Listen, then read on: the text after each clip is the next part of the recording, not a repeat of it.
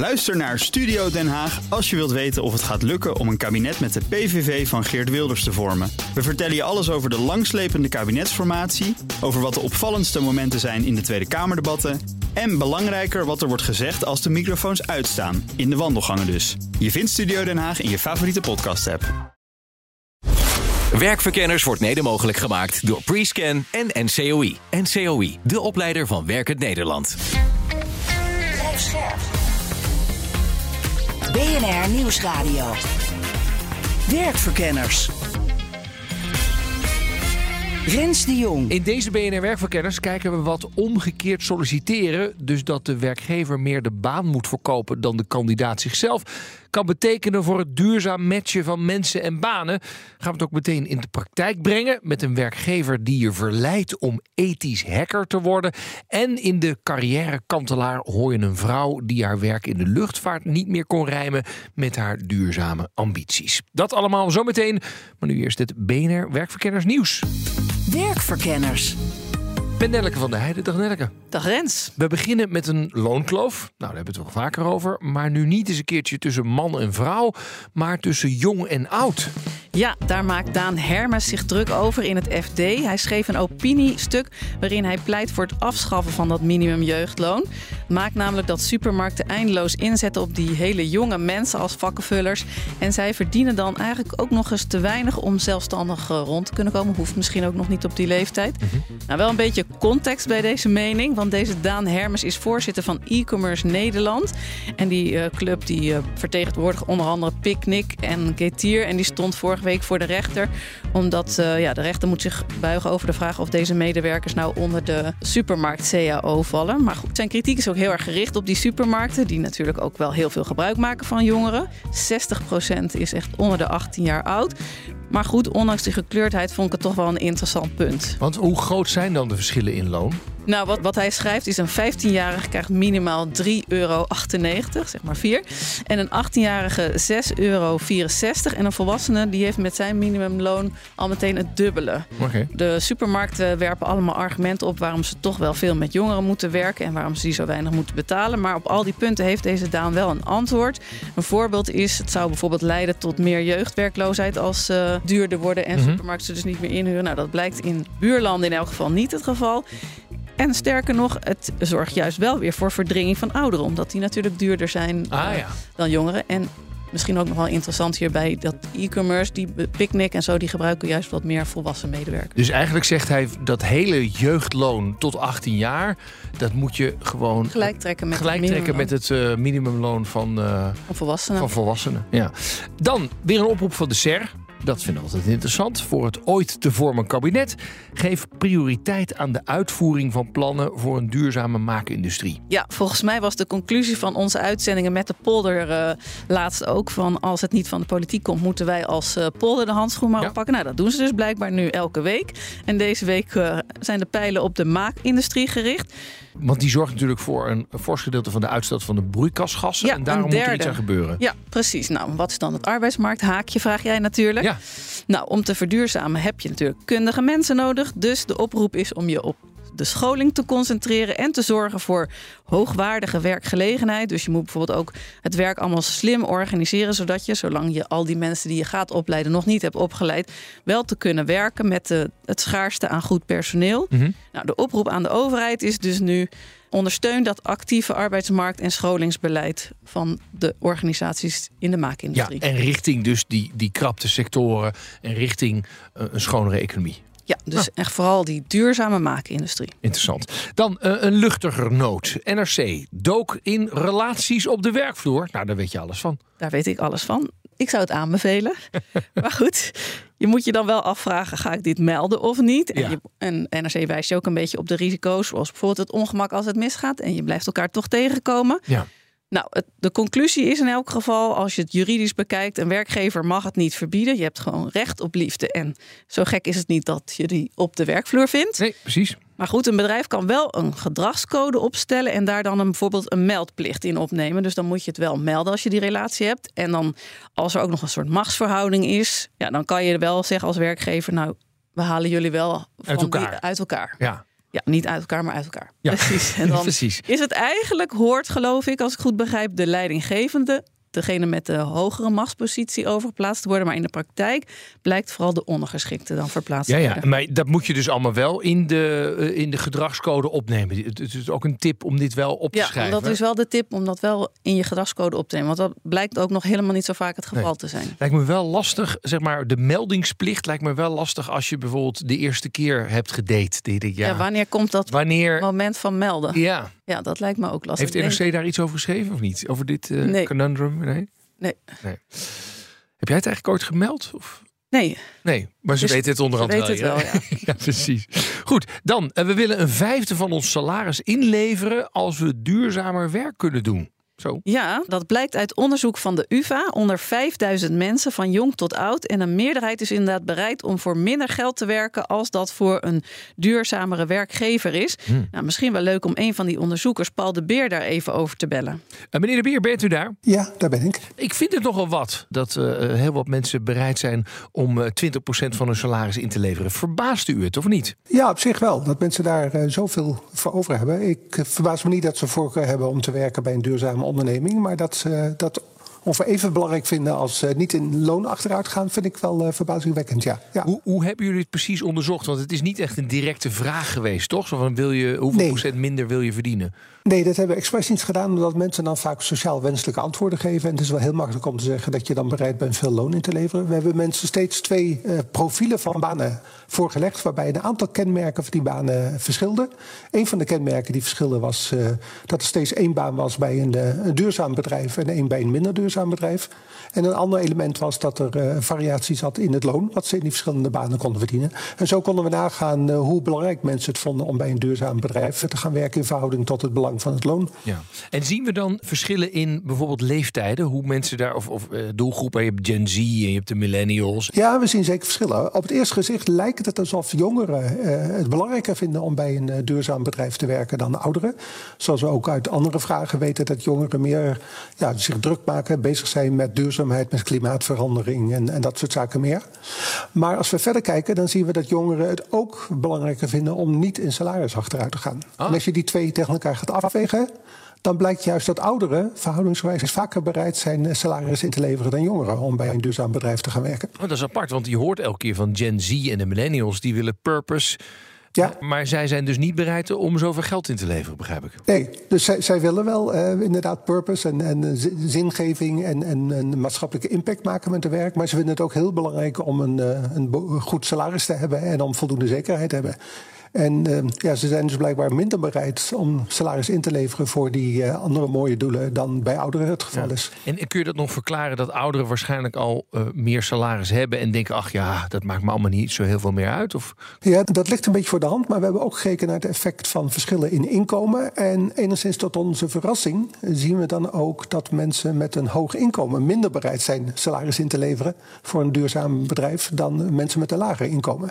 Dus het houdt zeker niet direct samen met eh, het loon dat eh, ouderen daartoe eerder bereid zijn. is er nog wel een verklaring te geven dat we dus elke keer horen van Gen Z en millennials: we willen het wel, maar niet bereid zijn in te leveren? Ja, nou, ik denk dat je eh, bij die generatie vooral je moet voorstellen dat men heel veel tegelijkertijd wil. Men wil en eh, zinvol werk doen, eh, zich kunnen ontplooien, bijdragen aan maatschappelijke doelen. Maar men wil ook bijvoorbeeld een gezin kunnen vormen, een eh, huis kopen, met- wellicht zelfs of kinderen krijgen. En dat zijn ook allemaal dingen die veel geld kosten.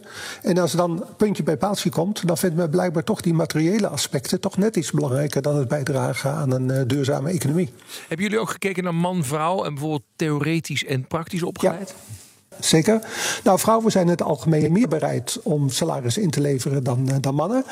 Dat is misschien iets minder verrassend, omdat we ook uit eerder onderzoek eh, weten dat, dat vrouwen wat meer gericht zijn op zeggen, de, de zogenaamde intrinsieke aspecten van het werk. Dus leuk werk, ontplooiingsmogelijkheden, autonomie. En dat mannen meer gericht zijn op salaris, status en dergelijke. Dus dat zie je hier ook terug. En opleidingsniveau doet er ook veel toe. Theoretisch opgeleiden vinden duurzaamheid belangrijker en zijn inderdaad ook bereid daar meer salaris voor in te leveren dan uh, uh, mensen met een praktische opleiding. En welke les moeten we hier nou uittrekken als werkgevers? Nou, in ieder geval zou ik zeggen dat hun medewerkers, hun personeel, waarschijnlijk een prijs voor over hebben als de bedrijf een overgang uh, maakt naar een meer duurzame productie. Vaak wordt u voorgesteld dat ja, het is misschien duur om meer duurzamer te gaan produceren. Dat vereist allerlei aanpassingen. Hieruit blijkt dat medewerkers daar misschien wel bereid zijn een, een klein beetje aan bij te dragen. Ze zullen dan natuurlijk wel het vertrouwen moeten hebben dat als zij daarvoor wat loon inleveren, dat het ook echt gebruikt wordt om de productie duurzamer te maken. Maar het lijkt me zeker een, een middel wat bedrijven zouden kunnen inzetten om toch te proberen die overgang naar een duurzame economie wat vlotter tot stand te laten komen. Paul de Beer, hartelijk dank. Graag gedaan. Rens de Jong. En dan de themavraag van deze werkverkenners. En die draait om omgekeerd solliciteren. Dan zit de kandidaat niet bibberend te wachten tot hij bij de werkgever op gesprek mag, maar klopt de werkgever bij de kandidaat aan om hem of haar te verleiden voor de baan. Steeds meer werkgevers zien dat de rollen inderdaad omdraaien. Het benaderen van potentieel nieuwe collega's, dat gebeurt nu meer dan ooit. Randstad organiseerde anderhalf jaar geleden een evenement waarbij werkgevers op sollicitatiegesprek kwamen bij de kandidaten. En KLM deed daar als werkgever graag aan mee. Allereerst omdat het concept heel gaaf was. En dat vond deze werkgever ook toen hij zoiets tegenkwam in de tijd dat hij zelf nog werkzoekend was. Het allereerste bedrijf waar ik zelf op gesolliciteerd heb, die hadden uh, heel leuk staan: mogen we bij jou solliciteren in hun uh, vacaturetekst. En dat is me altijd bijgebleven. Dat omgekeerd solliciteren moet je overigens wel breed zien. Vooral heel belangrijk is dat je veel informatie deelt over wat voor een organisatie je hebt en om wat voor werk het gaat. Hoe beter geïnformeerd die kandidaat, als je dan bij je solliciteert, dan is hij dus ook top gemotiveerd. En ben je niet open over wie je bent en wat je in de aanbieding hebt, ja, dan weten kandidaten niet waar ze precies op solliciteren. En dan snij je jezelf en de kandidaat vervolgens in de vingers. Anders haal je de verkeerde mensen binnen. Vanuit beide kanten. Ja, ik hoor schokkende bedragen van wat een mismatch kost. Dus snij je vooral jezelf ook financieel in de vingers. De kosten zijn echt gigantisch. Werkverkenners. Omgekeerd solliciteren. Het lijkt allemaal terrein te winnen. Dat de werkgever dus er van alles aan doet om de goede kandidaat binnen te halen. In plaats van dat de kandidaat er alles aan doet om in beeld te komen bij die werkgever.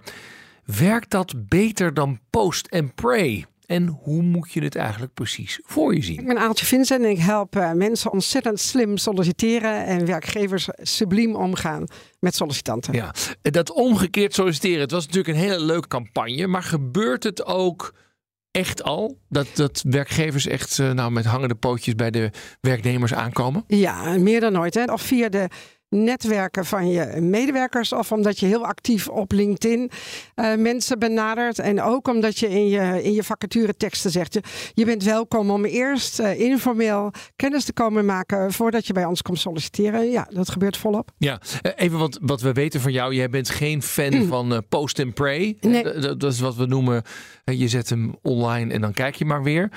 wat is daar eigenlijk mis mee? Nou ja, bij post en pre dan wacht je dus af wie er op jouw vacature solliciteert. Nou, ik spreek zelfs werkgevers nu die zeggen we hebben nul sollicitanten aaltje.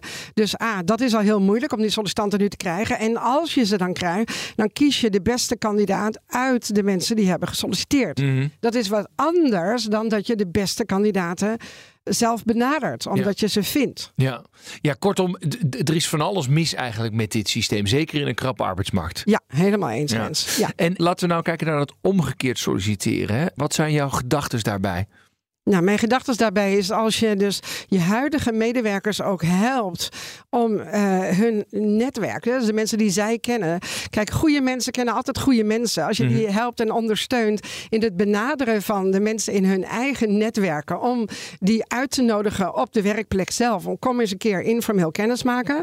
Als je je recruiters ondersteunt, van als je mensen benadert op LinkedIn of ze geïnteresseerd zijn om bij ons te komen solliciteren, Zeg dan ook van, goh, je bent altijd welkom voor een kopje koffie.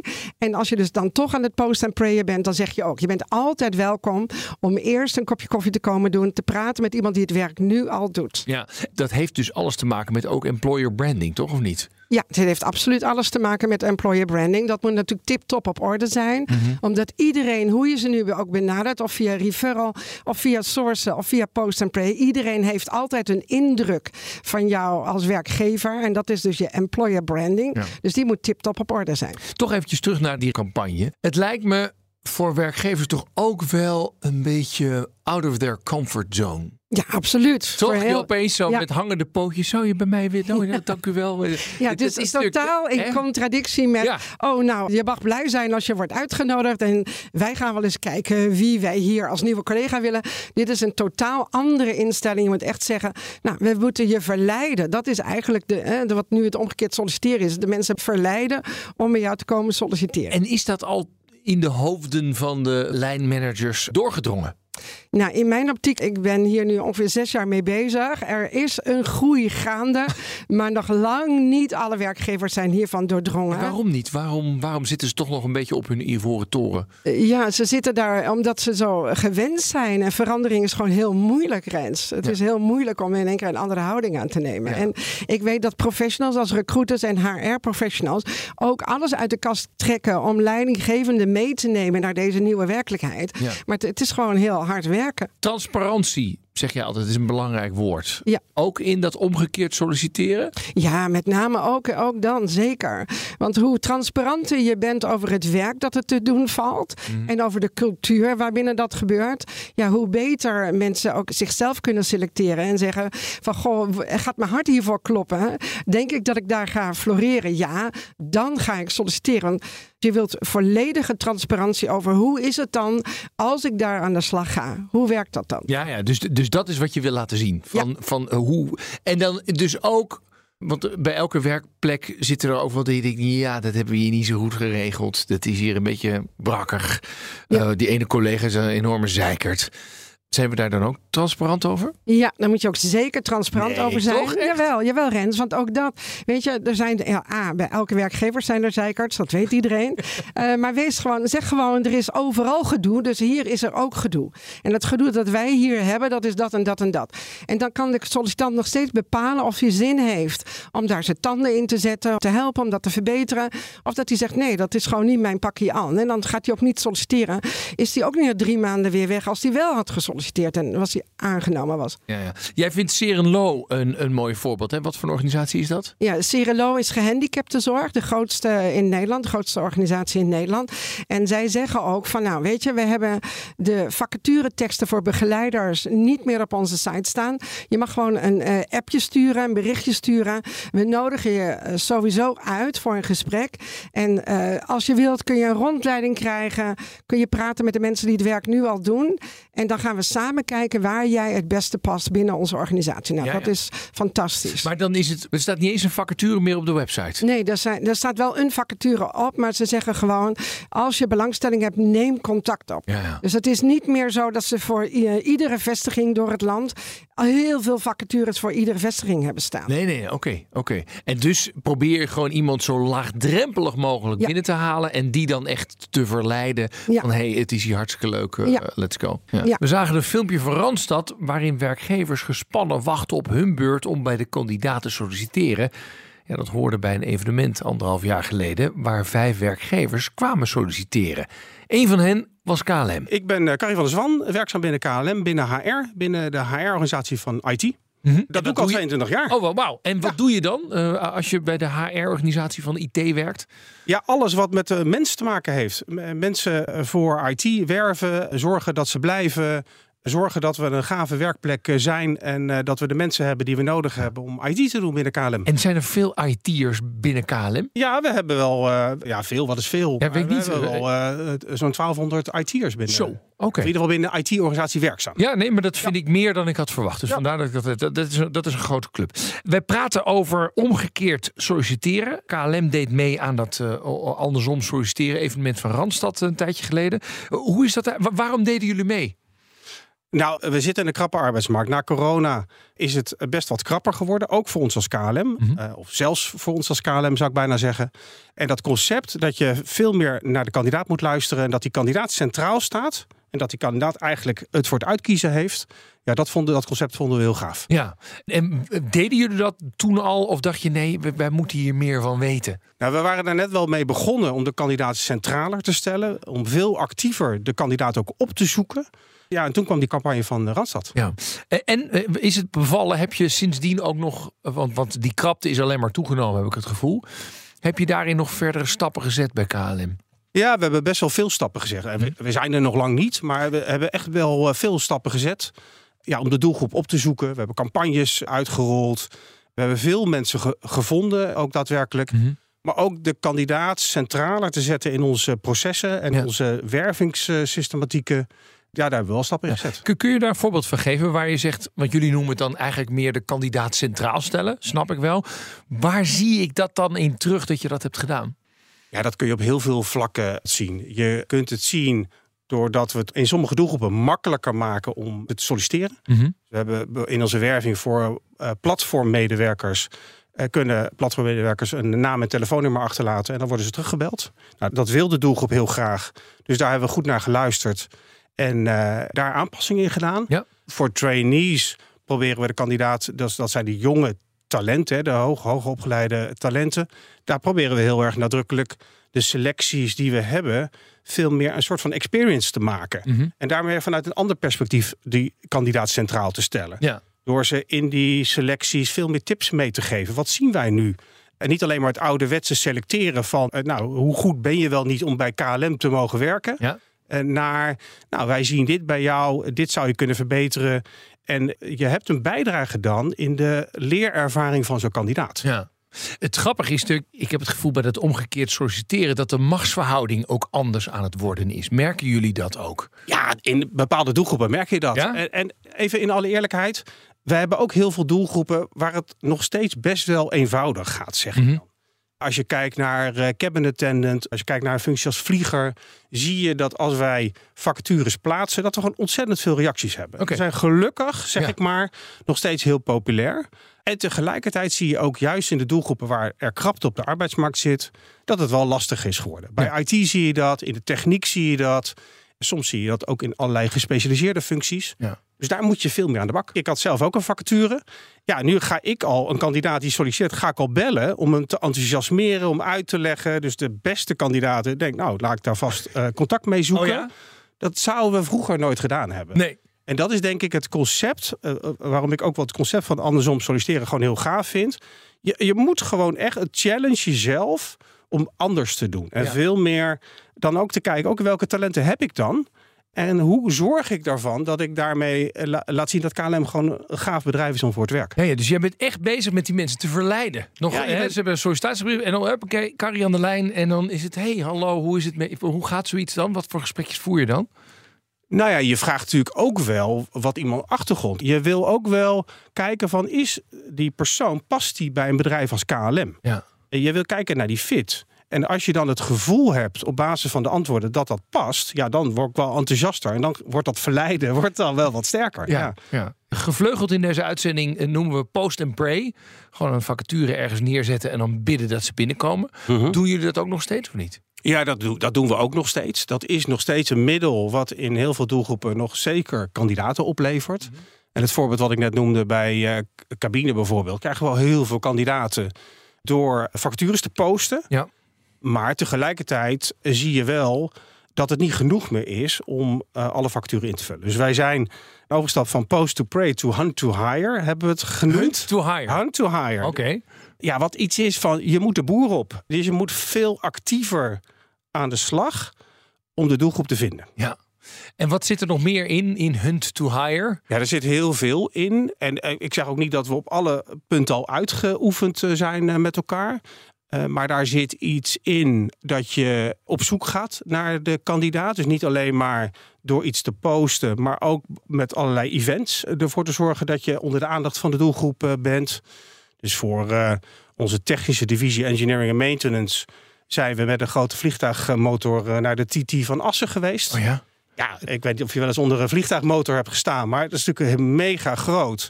En uh, ja, daar zit de doelgroep van jonge technici die wij graag zoeken.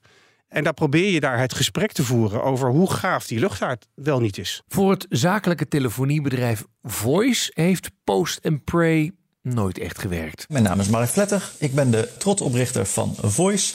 Voice is een zakelijke telecomprovider. Levert telefonie aan zakelijk Nederland. En uh, binnen het bedrijf hou ik me voornamelijk bezig met het verkennen van de horizon. Wat is er nieuw? En kijken of we daar mooie nieuwe experimenten mee kunnen doen. En daar vervolgens over communiceren. Leuk. Hey, en uh, hoeveel mensen hebben jullie in dienst? Ik denk dat we met ongeveer 150 mensen in het bedrijf uh, samenwerken. Ja. Heb jij ooit een vacature geplaatst ergens en dan gestart met bidden om te kijken of ze binnenkwamen? Ik denk dat dat ook wel eens is voorgekomen. Maar ik denk dat dat heel lang geleden is dat we dat voor het laatst hebben gedaan. En waarom werkte dat dan um, niet? Of waarom ben je daarvan afgestapt? Nou, toen wij de jobboard ooit een keer gingen gebruiken, want dat is dan een beetje wat je toen tot tijd deed, dan zette je het op een jobboard.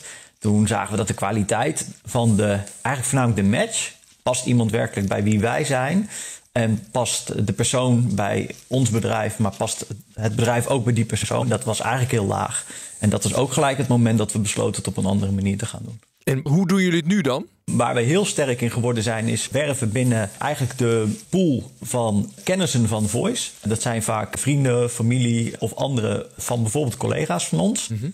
En wat we doen, en dat is wel echt een belangrijke iteratie geweest, een belangrijke verandering, is dat de, de collega's zelf zijn die aan het werven gaan. Oh ja. Dus stel je voor, jij zit in het team wat zich bezighoudt met marketing. Dan is het dat team wat zich uh, bezighoudt met het opstellen van de vacaturetekst. Het zijn de foto's van die mensen die erbij op de website komen te staan. En zij zijn ook degene die met de kandidaten uiteindelijk het eerste kopje koffie drinken.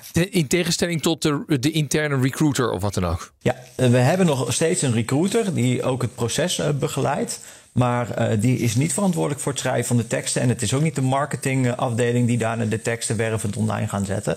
Uh, die begeleiden ook daar het proces wel. Dat het uh, past bij wat we willen uitstralen. Maar ook dat het inclusieve teksten zijn. Dat het fotomateriaal inclusief is. En dat dat ons bedrijf goed representeert. -hmm. Maar het is het team zelf wat eigenlijk de start van het proces en het eind van het proces uh, helemaal uh, bepaalt. En waarom geloof je daarin? Want het lijkt me, ik heb zelf in mijn tijd hier als adjunct hoofdredacteur ook heel veel uh, vacatures geplaatst en heel veel gesprekken gevoerd. Maar ik vond het wel heel arbeidsintensief altijd. Ja, dat is het ook. maar dat is het voor beide partijen. Mm -hmm. Ik weet ook niet of je per se wil dat een sollicitatieproces dat dat of helemaal bij de werkgever ligt of helemaal bij de kandidaat die solliciteert. Ik denk dat je eigenlijk heel veel gelijkwaardigheid in dat proces wil hebben. En ik denk dat als je dat goed faciliteert, dat je A, meer kandidaten hebt die werkelijk passen. En dat kunnen dan ook wel eens minder kandidaten zijn. Dus dat maakt het selectieproces makkelijker.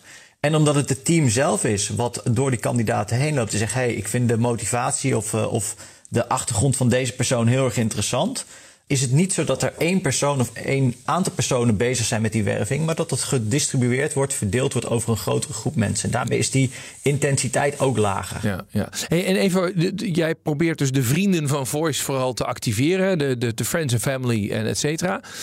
Ja. Heb je daar nog een tactiek voor? We hebben twee dingen gedaan die denk ik wel heel belangrijk zijn geweest. Eén, we hebben een mailinglijst. Dat klinkt heel ouderwets, maar daar, daar publiceren we nieuwe uh, vacatures op. Want vaak vinden mensen ons bedrijf wel interessant. We hebben ze simpelweg nog geen vacature langs zien komen waarvan ze zeggen dat past bij mij. En wij zeggen altijd, en dat vind ik wel een hele belangrijke, niet alleen ben jij deze persoon op het moment dat we een vacature plaatsen, maar ook ken jij deze persoon. Want ik lees heel vaak een vacature van ik denk van, oh, dat is Maaike. Die ja. moet hierop solliciteren. Ja. En als je dat vraagt ook, van jongens, ben jij of ken jij? En zouden jullie deze vacature willen delen? Want je gunt iedereen een leuke nieuwe baan. En we zijn best wel een leuke club om bij te werken. Mm -hmm. Nou, dan, dan zien we dat het bereik van die vacatures ook het grootste is. Wat ik me wel afvraag, hè, want je zegt het is heel handig om het uit het netwerk van medewerkers te halen. Ik zou zelf ook wel als medewerker ook wel een beetje terughoudend zijn omdat uh, er zitten twee risico's aan. Aan de ene kant denk je, ja, dan ga ik misschien iemand voorstellen, maar misschien valt diegene wel tegen. Want het is wel leuk om met diegene een biertje te drinken, maar ik weet eigenlijk niet hoe die of zij op het werk is. En aan de andere kant, misschien valt mijn bedrijf wel tegen. En heb ik diegene nou overgehaald om daar te komen werken. En dan is diegene mijn vriend ongelukkig. Snap je? Ja, maar ik denk dat het wel heel belangrijk is dat je. En ik denk dat dat wel de essentie is, überhaupt, van als je het hebt over je arbeidsmarktcommunicatie. Ik denk dat je in je communicatie en in wat je naar buiten brengt heel erg duidelijk moet laten zien wie jij als organisatie bent. En dan krijg je ook de mensen die daarbij passen. Mhm. Dus ik, ik vind dat je ervan uit moet kunnen gaan dat de collega's die bij een organisatie werken, dat die blij zijn dat ze daar werken. Anders zouden ze er zelf niet meer zitten. Mhm. En op het moment dat dat het geval is, dan is het ook niet gek als ze die vacature verspreiden. En een kandidaat, ja, of het nou een bekende is van of niet, eh, de match kan er altijd niet zijn. Maar het is wel aan het team zelf om dat eh, te, te, te ontdekken, zeg maar. En de kans gun je elkaar altijd. Ja. Maar ik denk dat het vooral heel belangrijk is dat je een werkgever bent die mensen vindt die heel erg bij de organisatie passen. Ja. En dat je dus heel sterk naar buiten toe communiceert en uitdraagt: dit is wie we zijn. Straks zoeken we uit wat nou echt de wins zijn van omgekeerd solliciteren en of het tot betere matches leidt. Maar nu eerst een baan waar je toch niet, wat ik wel dacht, in een donkere kelder voor hoeft te zitten met een hoodie aan. De vacature. Dan is nu weer tijd voor een opvallende vacature. Je weet het, hè, iedere week gaan we op zoek naar bijzondere job offers. Met vandaag het aanbod voor een computergeek die van zijn hobby zijn beroep wil maken. We bespreken de rol van ethical hacker bij cybersecurity bedrijf PureSec. Ehm, ik ga eens even bellen met de technical lead daar. eh, en dat is Ian Foppen. Met Ian Foppen. Dag Ian met Rens de Jong van BNR. En goedemiddag. Hey, ehm, ik, ik wilde met je praten over die eh, vacature van eh, ethical hacker bij jullie. Ja, leuk dat je belt. Ja, ik, ik denk dan meteen bij een ethical hacker. Jullie zitten in een donkere ruimte, allemaal hoodies op en gewoon eh, te, te staren naar veel letters op een computerscherm. Ja, dat is wel een beetje het, het typerende beeld wat we natuurlijk krijgen door alle films en dergelijke. Ja. Ehm, ik maak ook altijd het grapje, voordat ik ga werken doe ik een bivakmuts op en leren handschoentjes. maar eh, nee, dat is, dat is zeker niet het geval. Nee, wat, wat even PureSec, wat is dat precies voor een bedrijf? Hoeveel mensen werken daar? PuraSec die zit in de informatiebeveiliging. Ja. Dus wij doen zowel op eh, beleid als techniek doen wij dienstverlening naar bedrijven toe. Eh er staat nu een, een, een jaar of vijf met eh, ongeveer 25 medewerkers. Oké. Uh, dus vanuit de beleidskant proberen we organisaties te helpen met een, uh, security officer as a service of uh, te helpen bij de implementatie van een, een ISO-standaard om de beveiliging uh, te verbeteren. Ja, vanuit techniek doen we echt ja, aanvallen uitvoeren op organisaties. Met toestemming dan natuurlijk. Ja, snap ik. Hey, jullie zijn een bedrijf met 25 mensen en jullie zoeken mensen die bijvoorbeeld pentesten gaan doen. Eh, penetratietesten zijn dat volgens mij. Hè? Wat moet ik me daarbij voorstellen? Um, bij zo'n pentest wat we eigenlijk doen is we gaan eigenlijk een aanval simuleren. Uh, eigenlijk zoals een, een, een, bedrijf die gehackt wordt. Zo'n Ja. hacker uh, die doet dat met kwade intenties. Nou, onze ethische hackers die doen dat eigenlijk enkel met toestemming. Um, we kunnen hetzelfde doen als andere hackers. Alleen in plaats van dat wij ja, wat we vinden gaan misbruiken, gaan we in die zin de klant helpen om de, de beveiliging te verbeteren. En even voor mij, hè. Ehm, eh, als je nou iemand hebt die zegt ik heb mezelf helemaal opgeleid. Is dat dan ook nog interessant of juist niet? Uh, ja, persoonlijk vind ik het wel interessant. Het is natuurlijk wel even de vraag van ja, je, je hebt jezelf opgeleid, maar wat kan je dan precies? Oh ja.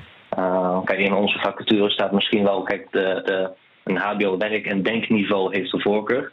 Alleen dat is niet iets waar ik op blind ga staren. Iemand die dat niet heeft gedaan, maar die gewoon echt hele goede dingen kan, ja, die wil ik net zo graag bij het team hebben als ieder ander. Ja, en hoe test jij dat dan? Nou, wat je wel eens ziet is dat er eh, echt een, ja, een soort van proefopdracht wordt neergezet. Dus iemand die krijgt een omgeving met de vraag van ja, kijk maar wat je kan vinden. Um, dat zouden wij ook wel eens kunnen doen. Is nog niet voorgekomen. Uh -huh. Alleen het gaat me dan niet erom dat ze het antwoord vinden. Want als, als ethisch hacker, je hebt altijd gelimiteerde tijd. Een aanvaller die heeft net zoveel tijd als dat hij wil nemen. Alleen ik vind het belangrijker de manier waarop ze daar naartoe gaan werken. Ja, ja. Dus een, een, bepaalde methodiek, bepaalde stappen en denkwijzen. En als iemand dat kan laten zien, dat ze dat kunnen verwoorden, ja, dan heb je het belangrijkste te pakken, denk Ja. ik. Eh, Ian, dankjewel. Ja, graag gedaan. Rens de Jong. Nou, belangrijk dus dat je een duidelijk plan van aanpak hebt. Terug naar de themavraag over dat omgekeerd solliciteren. Randstad bracht het in beeld met zenuwachtige werkgevers die gespannen op hun sollicitatiegesprek wachten. Maar ik heb inmiddels wel begrepen dat je het allemaal breder moet zien. Belangrijk onderdeel is wel, hoor ik van allemaal, dat je zoveel mogelijk laat zien van wat voor een organisatie je hebt. Zeker ook de cultuur en wat voor een werk er allemaal te doen is. Mark Vletter van Voice vertelt hoe ze alles wat er te weten valt over het telefoniebedrijf zijn gaan bundelen tot een soort online handboek. Wij hebben een handboek voor nieuwe collega's. Dat werd een heel populair boekje en dat hebben we op een gegeven moment echt als fysiek boek uitgebracht. Dat is veel gelezen en veel gedownload. En inmiddels hebben we daar een website van gemaakt. Dus als je naar handboek.voice.co gaat, dan vind je daar ons Engelstalige handboek. Want wij zijn, we hebben meer dan 13 nationaliteiten in het bedrijf. Dus we zijn een Engelstalig bedrijf geworden. Daar kun je exact vinden wie wij zijn en hoe wij werken. En daar zitten dus ook geen verrassingen meer in voor een kandidaat die echt geïnteresseerd is. Want die heeft de organisatie al heel goed kunnen leren kennen. Het is belangrijk dat je mediamateriaal er ook op aansluit. Gebruik foto's van je echte collega's. Maak een filmpje van je echte collega's. En laat zien hoe het werk werkelijk is. De goede en de minder goede dingen zodat het gelijk duidelijk is voor een kandidaat waar die aan begint en of die dat ziet zitten. Jij zegt, we moeten vooral kijken, past een kandidaat bij de cultuur die wij hebben? En, en, en sowieso ook bij het werk eh, dat we, dat we zoeken. Hè? Als dat nou uiteindelijk toch een mismatch is, kun je als ondernemer eens aangeven van wat je dat kost? Ik denk dat we het aantal mismatches enorm hebben weten te verlagen. En dat zit met name in de meeloopdag die wij doen. Iedere kandidaat die bij ons wil komen werken, komt eerst een bakje koffie drinken. En dat is echt gewoon een kennismaking, zodat het een laagdrempelige manier is om de organisatie te leren kennen. En loopt daarna een hele dag met ons mee, zodat hij echt inhoudelijk ziet wat het werk is. Daarmee voorkom je en verlaag je het aantal mismatches. Als er een mismatch is, dan denk ik dat het je soms wel. Nou, ik denk dat een half jaar tot een jaar salaris geen gek bedrag is aan kosten van een mismatch. Ja, ja. Want je hebt niet alleen de kosten van een kandidaat die in een x-periode een half jaar moet betalen of een jaar moet betalen. Maar je hebt ook de kosten van de onboarding van een nieuwe collega, waar wij heel intensief tijd in investeren. Wat ook een reden heeft, dan is wederom je uitval lager en landt een collega gewoon beter. Het moet gewoon zijn dat een kandidaat op de eerste dag zijn laptop heeft, de sleutels van het bedrijf, toegang tot alle systemen, zijn e-mailadres. En dat moet niet uh, na een week van, uh, nee, ik kan nog steeds geen systeem in. En dat hoor ik echt nog veel. Ja. En, en even over die meeloopdag, hè? Is het dan de, de, kandidaat die dan nog kan zeggen, nou, het is niks? Of is het ook jullie die kunnen zeggen van, nou, volgens mij, het liep niet helemaal lekker? Het is in alle eerlijkheid echt bedoeld voor allebei. Ik vind dat een sollicitatieproces een gelijkwaardig proces moet zijn. En we hebben zowel kandidaten gehad die zeggen, ja, sorry, maar dit zie ik echt niet gebeuren. Als dat we collega's hebben gehad die zeiden van, ja, als ik hier iedere dag met deze persoon moet samenwerken, dan heb ik niet het idee dat mijn werk daar leuker van wordt. Ja. En ook iedere collega in het bedrijf die op zo'n dag die nieuwe kandidaat leert kennen, mag zeggen: ik zie dit niet zitten. En dat is daarmee eigenlijk al gelijk een veto. Ja, ja. Je zegt het is gelijkwaardig hè, tussen werkgever en werknemer in dat hele sollicitatiegesprek. Ik vroeg me dan af, is het dan ook zo dat de werkgever zenuwachtig is en dat we ons dat moeten realiseren bij dat gesprek? Ik denk dat dat een onderschat aspect is van het sollicitatiegesprek. En wij krijgen vaak krijgen we echt zenuwachtige kandidaten die bij ons het bedrijf binnenlopen. En ook door het proces zeggen van, oh, ik vond het zo spannend of ik een aanbod kreeg en hoe dat aanbod eruit zou komen te zien. Dat is voor een werkgever niet anders. Een werkgever vindt het net zo spannend of de kandidaat dat aanbod ook gaat accepteren. En of die kandidaat ook past bij de organisatie. En ik denk dat als je dat beide beseft, het is voor de organisatie net zo spannend als voor degene die solliciteert, dat je een veel leukere interactie krijgt in dat hele sollicitatieproces. Maar dan moet je bijvoorbeeld ook, want nu zie je vaak dat de, de werkgever de vragen aan het stellen is. Uh, als we het nou gelijkwaardiger willen neerzetten of zelfs omgekeerd solliciteren, dan zou dus de kandidaat ook heel veel vragen moeten stellen. Hoe zorg je ervoor dat het een beetje gelijkwaardig wordt, ook in het aantal vragen? Nou, ik denk dat het heel belangrijk is dat je als organisatie heel duidelijk laat zien van tevoren: dit zijn, is wie wij zijn. En heb je daar nog vragen over, neem die dan mee. Hmm. En over het algemeen heb ik gezien dat hoe geïnteresseerder de kandidaat is in het sollicitatiegesprek, hoe meer vragen de kandidaat stelt, hoe groter de kans is dat hij eigenlijk wordt aangenomen. Ja. Want op dat moment wordt het namelijk een: hey, wij vinden elkaar allebei leuk en we zijn allebei aan het ontdekken wat we van elkaar vinden. Zie het als daten. Als je op date gaat, is het leuk als je allebei interesse in elkaar hebt. En dan is het succes van die date is veel groter. En hoe probeer je ervoor dat die kandidaat zich zo op zijn of haar gemak voelt, dat hij ook echt daadwerkelijk veel vragen gaat stellen? Het belangrijkste is dat het geen sollicitatiegesprek is wat je gaat doen. Sollicitatiegesprekken en cv's zeggen zo ontzettend weinig over wie een persoon werkelijk is en wat die persoon werkelijk kan. Dus je moet eigenlijk gewoon gaan koffie drinken met elkaar. Ja. En in dat koffie drinken leer je wel van elkaar, gaat dit echt werken of niet? En we hebben echt wel meegemaakt dat iemand trillend tegenover ons zat aan tafel. Dan was het eerste, joh, we merken dat je, dat je aan het trillen bent. Wat kunnen we doen om dat even bij je weg te halen? Ja. Want dit is geen sollicitatiegesprek. Ik ga je niet allemaal ingewikkelde vragen stellen over waar je je carrière over vijf jaar ziet. Want ja, kom op zeg, daar gaat het toch helemaal niet over. Dat weet eh, de organisatie vaak zelf niet eens waar ze over vijf jaar wil staan. Dus uh, nee, dat soort dingen moeten we een beetje mee stoppen. Bij de ouderwetse post-and-pray aanpak gaat de matching regelmatig mis. Als het niet meteen is, dan wel binnen drie maanden. Ik vroeg sollicitatie-expert Aaltje Vincent waar het dan op stuk loopt. Dan gaat het mis of dat je ja, geen goede transparantie, geen, dat je niet transparant genoeg bent over het werk dat er te doen valt. -hmm onder welke omstandigheden dat dat te doen valt en over de cultuur waarin je onderling samenwerkt. Als je dat van tevoren niet heel helder hebt gemaakt, dan kan iemand beelden hebben die uiteindelijk niet uitkomen. En Ja, dan, ja. dan gaat het mis. En gaat dat, zien we dat ook, dat dat inderdaad misgaat? Omdat er gewoon een, eh, ja, toch nog een paar Ja. maanden denk je, nee, dit is niet... Ja, er zijn cijfers van onder andere Indeed die zeggen, nou ja, nou, 65% kijkt na drie maanden, dus binnen 90 dagen alweer om zich heen van is dit het nu? Echt waar? En, en ik had laatst een, 65% van ja, de En ik had laatst een onderzoek eh, dat, dat, dat ongeveer 44% dat na een week al voelt van is dit het nou? dus het is echt heel snel dat Ja. mensen die teleurstelling voelen. Ja, En dat is is natuurlijk de, dan is natuurlijk wel de vraag van ja, eh, moet je ook niet. eh, ik, ik vind het ook wel zo. ehm, nou, misschien ben ik gewoon oud aan het worden. Die denkt, ja, jeetje, na een week geef het even een kans. Nee, daarom. Dus dat ben ik helemaal met je eens. Na een week geef het de kans. Ja. Trek aan de bel. Dan Ja. ga in ieder geval het gesprek aan. Maar een een ander onderzoeker zegt dus na drie maanden kijken mensen er om zich heen. Ja, en dan en dat je het wel een beetje betekent dus in het, gegeven. in het traditionele solliciteren heb je gewoon alleen een vacaturetekst. En dan mag, de, mag je een brief sturen en dan mag je hopen dat je wordt uitgenodigd. Nou, en, dat, en dan is het meteen de spanning van die hele selectie zit erop. Ja. Dus er is geen ontspanning op die keus voor die nieuwe baan. Ja. Terwijl als je eerst zegt van nou, we hebben goede tekst, we hebben goede foto's. We hebben een goede video met de mensen met wie je hier gaat werken. We hebben wellicht een hele goede podcast over het werken hier. Mhm. Of we organiseren een webinar over het werken hier. Dan geef je al veel meer informatie dan alleen die tekst. Ja. En dat doe je allemaal online. Als je dan vervolgens ook nog je deuren openzet en zegt: Je bent ook altijd welkom om hier een kopje koffie te drinken met de mensen die het werk nu al doen.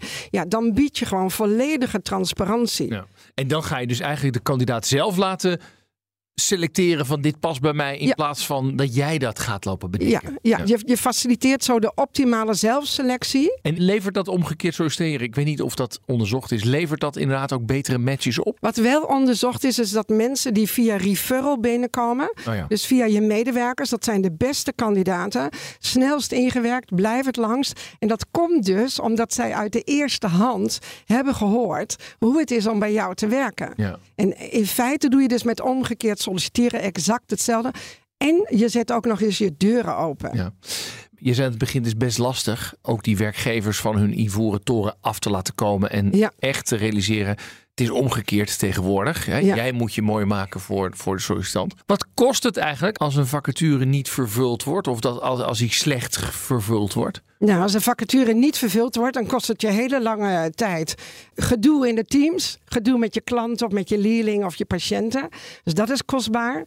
Als de match niet goed is, dat is ontiegelijk kostbaar. Want dan heb je teleurstelling, frustratie, verzuim, verloop. En dan moet je weer iemand nieuw werven. Dat kost op zijn minst de helft van iemands jaarsalaris. Dus dat is allemaal heel kostbaar, mismatches. Wauw. Kortom, het zou enorm helpen als we dit proces beter doen. Ja, zeker. HR-man Carrie van der Zwan vertelt wat het Randstad-evenement rondom andersom solliciteren KLM heeft opgeleverd. Als het gaat om geschikte kandidaten zoeken en vinden. Een concept waar wij al mee bezig waren, wat denk ik wel in ons denken voor versnelling heeft gezorgd. Ja, wat is er lastig aan? Want kan me ook wel voorstellen dat, dat, dat je lijnmanagers of je hiring managers, zoals jij dat dan noemt, dat die er misschien ook wel aan moeten wennen dat ze dat, die verleidingsdans moeten gaan, gaan, gaan uitvoeren. Zeker, Ja? zeker. Als je kijkt naar, we bestaan als KLM al heel veel jaar, meer dan 100 jaar. En we hebben eigenlijk overal nooit enorm grote problemen gehad om mensen aan te trekken. En dan moet je ineens van, ik ga achteroverleunen en drie rijen dik staan ze voor mijn kamer, bij wijze van spreken, naar ik moet zelf aan de slag om mensen binnen te halen en actief te werven en te verleiden. Ja, dat is wel een, wel een stap. Ja. En daar worden we steeds beter in. En daar, daar kunnen we eh, eh, vast nog beter in worden. Ja, maar jij bent van HR, daar ben jij dus ook een soort met van de, de, de kartrekker in. Van joh, kom op, we Zeker. moeten ze verleiden. Ja, zeker. En waar loop je dan tegenaan? Nou ja, je, je, je hebt het bij ons over grote aantallen, zeg maar. Dus je zoekt, we hebben denk ik vorig jaar, als je het eh, vaste en flexibele, hebben we denk ik wel meer dan 5000 mensen aangenomen. Dus je, je zoekt veel mensen. Ja. Heel veel afdelingen gaat het wel goed. En het kan ook niet altijd. Het kan niet bij elke afdeling. Nee, bij jullie is de uitdaging schaal. Ja. De, eigenlijk ook verleiding op schaal. Zeker. Als je zeker. 5000 man aanneemt, kun je niet eh 5000 kopjes koffie gaan drinken. Toch? Je, moet- je zult daar op een of andere Nee, manier moet je weer bedenken. Ja. Jullie hebben ook campagnes hè, om jezelf te laten zien dan als werkgever. Hoe werkt dat? Nou, we zijn als eerste begonnen. Ik werk nu nog niet zo heel lang bij IT, binnen HR van IT. En eh, wij hebben vorig jaar hebben een campagne Are You Up for IT? Een super gave campagne met animaties waar we eigenlijk onze state-of-the-art technologie laten zien. En dan vervolgens de vraag stellen Are You Up for IT? En dat was dus echt voor de buitenwereld. Voor mensen echt voor de buitenwereld. Ja, oké. En, Ja. en het- waar werd dat gepost? Of waar, waar werd dat neergezet? Ja, daar hebben we een campagne voor eh, gedraaid. Dus een basis van een, van een site. En daar probeer je met allerlei campagnes eh, mensen naartoe te trekken. Ja. En ook events eh, hebben we gehad waar je mensen probeert te enthousiasmeren daarvoor. Ja, grappig is dat. En dan is het natuurlijk zo. A, je denkt misschien niet bij KLM meteen aan IT, maar er zit toch 1200 man. Dus daar is echt wel wat aan de hand. Dan kun je enorm de opgepoeste versie van jezelf laten zien. Of laat je ook het echte zien. Met de echt, foto's van echte mensen en et cetera. Dat je, dat je ook op een of andere manier een idee hebt. Oh, zo ziet KLM er van binnen uit. Ja, dat is wel belangrijk. Want anders ga je mensen binnenhalen die vervolgens weer weggaan. Ja. Hoe gaat dat nu met de fit? Heb je het gevoel dat de fit dan beter wordt tegenwoordig? Nou ja, we proberen veel aandacht en veel zorgvuldigheid in onze recruitmentprocessen te zetten. Dus je, dan probeer je in ieder geval te zorgen dat er eh, goed beeld is op de kandidaat. En dat hij met iemands kwaliteiten goed past bij de organisatie. Ook op locatie te selecteren, zodat men ook ziet van, oh ja, in dit gebouw, hoe kom ik dan te werken? Oh ja. En het liefst ook wel met mensen in het proces waar je daadwerkelijk ook mee, eh, mee te maken gaat krijgen. Ja. En hoe zorg je ervoor dat dat gesprek, dat sollicitatiegesprek, dat dat ook een gelijkwaardig gesprek wordt waar misschien beide partijen evenveel vragen stellen? Ja, dat, dat is door de aard van het gesprek soms, soms nog best lastig. Hè? Want- Maar daar proberen we wel veel, eh, veel nadruk op te leggen. En hoe doe je dat dan? Nou ja, door in ieder geval eh, capabele recruiters. Het begint wel dan toch weer die co-productie met die hiring manager en die recruiter. Dat de recruiter is ook echt uitgerust om te zorgen dat we goed gesprek voeren. We stellen ook aan het begin van het gesprek altijd de vraag of iemand fit is voor het gesprek. Vinden we belangrijk. Want uiteindelijk is dat van zit je hier wel op de manier waarop je in het echt bent. Ja. Dus dat zijn wel van die voorbeelden waar je probeert nou, wel op die manier goed het gesprek te voeren. Ja. Wat is je grootste les in in deze reis geweest? Waar we toch een machtsverschuiving zien van dat omgekeerd solliciteren. Wat is voor jou de grootste les? Ja, ik denk dat het. Ik ben van nature ook wel een beetje ongeduldig. Je, het is stap voor stap. Ja. Het is ook soms drie stappen vooruit, één stap achteruit. Dus ik zie het ook als een reis. Ik denk echt wel dat we hier steeds beter op worden. Stel je de vraag van ben je er al? Nee, we zijn er nog lang niet. We hebben nog echt wel wat stapjes eh, te zetten. Maar stap voor stap. Ik denk dat dat de grootste les is van dat jaar, anderhalf jaar dat we hiermee bezig zijn. Goed, nou, je komt er niet meer mee weg om gewoon een vacature te plaatsen en dan maar af te wachten. Je zult als werkgever zelf de boer op moeten. En dat doe je het beste door zo open mogelijk te zijn. Natuurlijk, vertel wat er allemaal superleuk is, maar als er gedoe is, en dat is er natuurlijk overal, vertel dat ook gewoon. En als je bedrijf prestatiegedreven is, laat het vooral weten, want cultuur is ongelooflijk belangrijk. Als kandidaten weten waar ze aan beginnen, zijn ze bij hun sollicitatie top gemotiveerd, zoals Aaltje Vincent het uitdrukte. En hopelijk houden ze het dan wat langer vol dan een week tot drie maanden. Want ik begrijp het wel, opnieuw op zoek moeten naar een goede kandidaat voor die baan, nou dat kost echt een godsvermogen. De carrièrekantelaar. Laatste onderdeel van deze uitzending, de carrièrekantelaar. Ja, welke dramatische wending heb jij meegemaakt in je carrière? Wat zorgde ervoor dat je het opeens helemaal anders ging doen? En hoe kijk je daar nu op terug? Deze week bellen we met Willemijn van Donselaar van Dons More. En Willemijn heb ik nu aan de lijn. Dag Willemijn. Hi Rens. Eh, jij hebt jarenlang gewerkt bij de KLM. Wat deed je daar?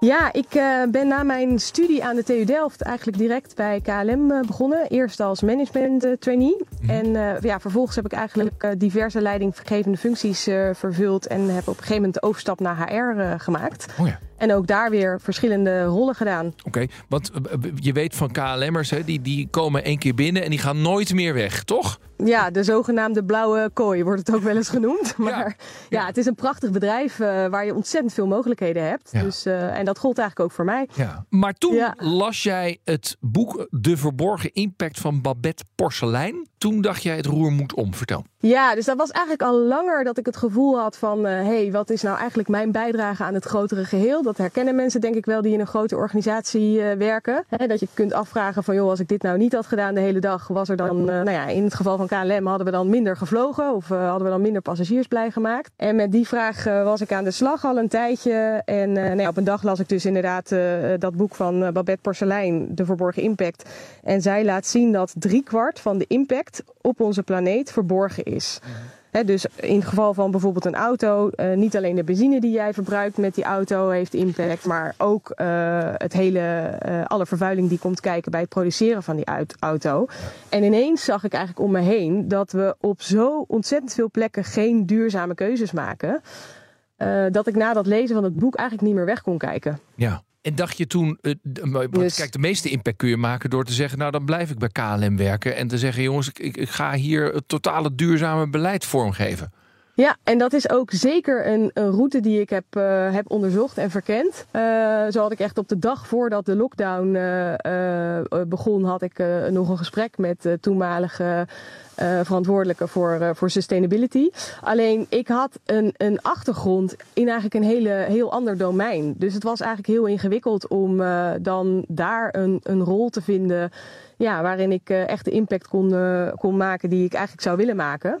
Wat ben je gaan doen? Ik kwam er eigenlijk achter dat wat ik deed, hè, dus, dus de inhoud eh, van, van HR en organisatieontwikkeling eh, in mijn geval dan, dat ik dat eigenlijk best wel leuk vond. En nou ja, daar was ik ook goed in, eh, denk ik.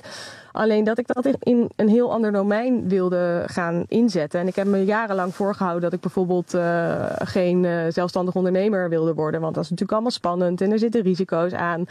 Eh, maar eigenlijk was dat een verhaaltje wat ik mezelf verteld had. eh, en waarvan ik op dat moment eigenlijk merkte: hé, hey, ik kan, kan ook prima met, eh, met minder. Ik heb die leaseauto eigenlijk niet nodig. Ehm, dus nou ja, waarom niet gewoon toch voor mezelf Ja. beginnen en zien waar het schip strandt? Ja. En dit heeft geleid tot Dons Ja. en More. Dus wat doe jij dan nu? Ja, dus wat ik met Dons en More eigenlijk probeer te doen, is een betekenisvolle bijdrage te leveren aan, aan organisaties met een missie waar de wereld echt beter van wordt. En dat doe ik eigenlijk door mijn nou ja, kennis en ervaring en talent op een flexibele manier in te zetten. Dus bijvoorbeeld als interim HR-manager, als adviseur, maar ook door het helpen van eh, eh, bedrijven met het behalen van eh, de B Corp-certificering. Heb je nu het gevoel, ja, nu, nu zit ik op mijn plek. Dit is een goede keuze geweest? Ja, dat is een, een mooie vraag. Ehm, voor mij is eigenlijk het moment dat ik ben weggegaan bij KLM eh, het begin van een reis geweest. Nou ja, die denk ik nooit, eh, nooit stopt.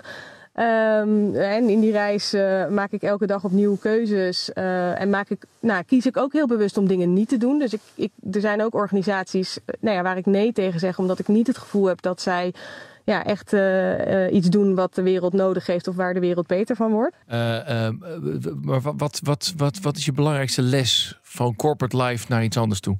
Ja, ik denk echt vertrouwen op, op dat het wel goed komt en dat je gewoon dingen in je mars hebt. Hè? Want zo'n zo'n corporate, eh, ja, ik merk aan mezelf, en dat vond ik ook echt wel een beetje spannend, van, eh, van joh, hoe, hoe past die ervaring dan nou ja, in de rest van de wereld, om het maar wat even zo kan te ik zeggen. eigenlijk, is het toch? Maar- eigenlijk wat je denkt. Ja, wat, wat kan ik? Wat breng ik dan? En dat is zo ontzettend veel. En er is altijd wel ergens een potje waar dat, waar, waar dat dekseltje op past. Goed je te spreken, dankjewel. Dankjewel. Dit was Werkverkenners voor deze week. Volgende week dan krijg je weer een verse op dinsdag om drie uur. Natuurlijk in je podcast-app kun je hem op ieder moment terugluisteren. Productie en redactie, Nelleke van der Heijden, Jan-Pieter Jansen. Mijn naam is Rens de Jong en graag tot de volgende keer. Dag.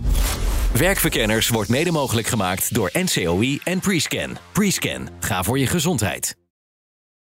Ook Thomas van Zeil vind je in de BNR-app. Je kunt live naar mij luisteren in Zaken doen, de BNR-app met breaking news, het laatste zakelijke nieuws en je vindt er alle BNR-podcasts, bijvoorbeeld Het Nieuwe Geld. Download nu de gratis BNR-app en blijf scherp.